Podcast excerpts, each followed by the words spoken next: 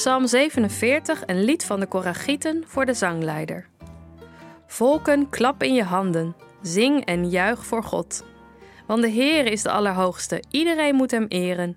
Hij is een machtige koning, Hij heerst over de hele aarde. Hij liet ons overwinnen in de strijd tegen andere volken. Hij gaf ons een eigen land, een land waar we trots op zijn. Zoveel houdt Hij van ons. Als God op zijn troon gaat zitten, juicht iedereen voor hem. En er klinken trompetten. Zing, zing voor God. Zing, zing voor onze koning. God is koning van de hele aarde. Zing daarom een lied voor hem. God is koning van alle volken. Hij zit op zijn heilige troon. De leiders van de volken komen bij elkaar om de God van Abraham te dienen. De leiders van de aarde horen bij God. Hij is hun koning, hij is machtig.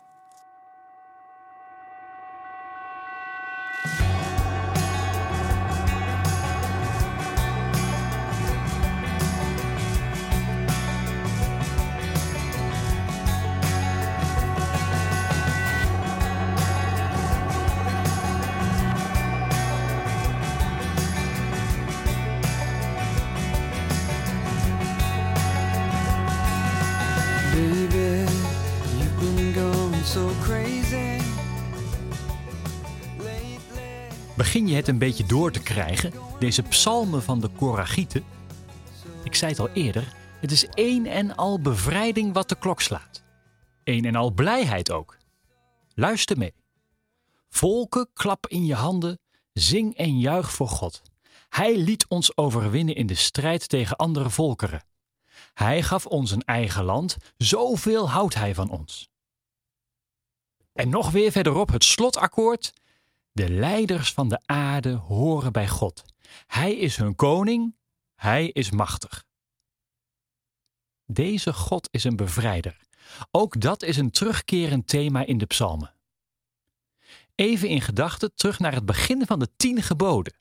Hoe begonnen die ook alweer? Ik ben de Heer uw God, die u uit het diensthuis, uit de slavernij van Egypte bevrijd heeft. Dat is niet zomaar een inleiding, een introtekst. Het is een toonzetting, een karaktereigenschap. Deze God laat zich kennen niet in de eerste plaats als een schepper of als een God die almachtig is, dat had ook allemaal gekund, maar nee, er staat: Ik ben de God die jou al eens eerder bevrijd heeft. Bevrijden is mijn pakkie aan. Het is mijn stiel. Dat is wie ik ben. Ook dat laat je anders denken over deze God. Deze God heeft zo zijn voorkeuren. Tuurlijk, hij kan veel en weet veel, maar hij heeft ook een zwak voor de mensen die in slavernij leven.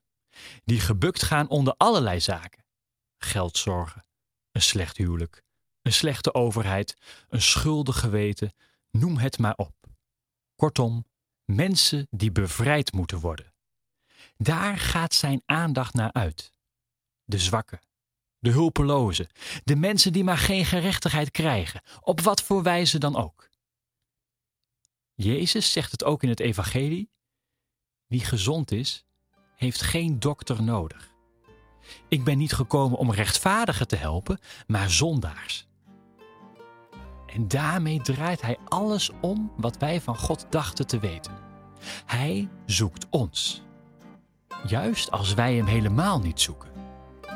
Zo is hij.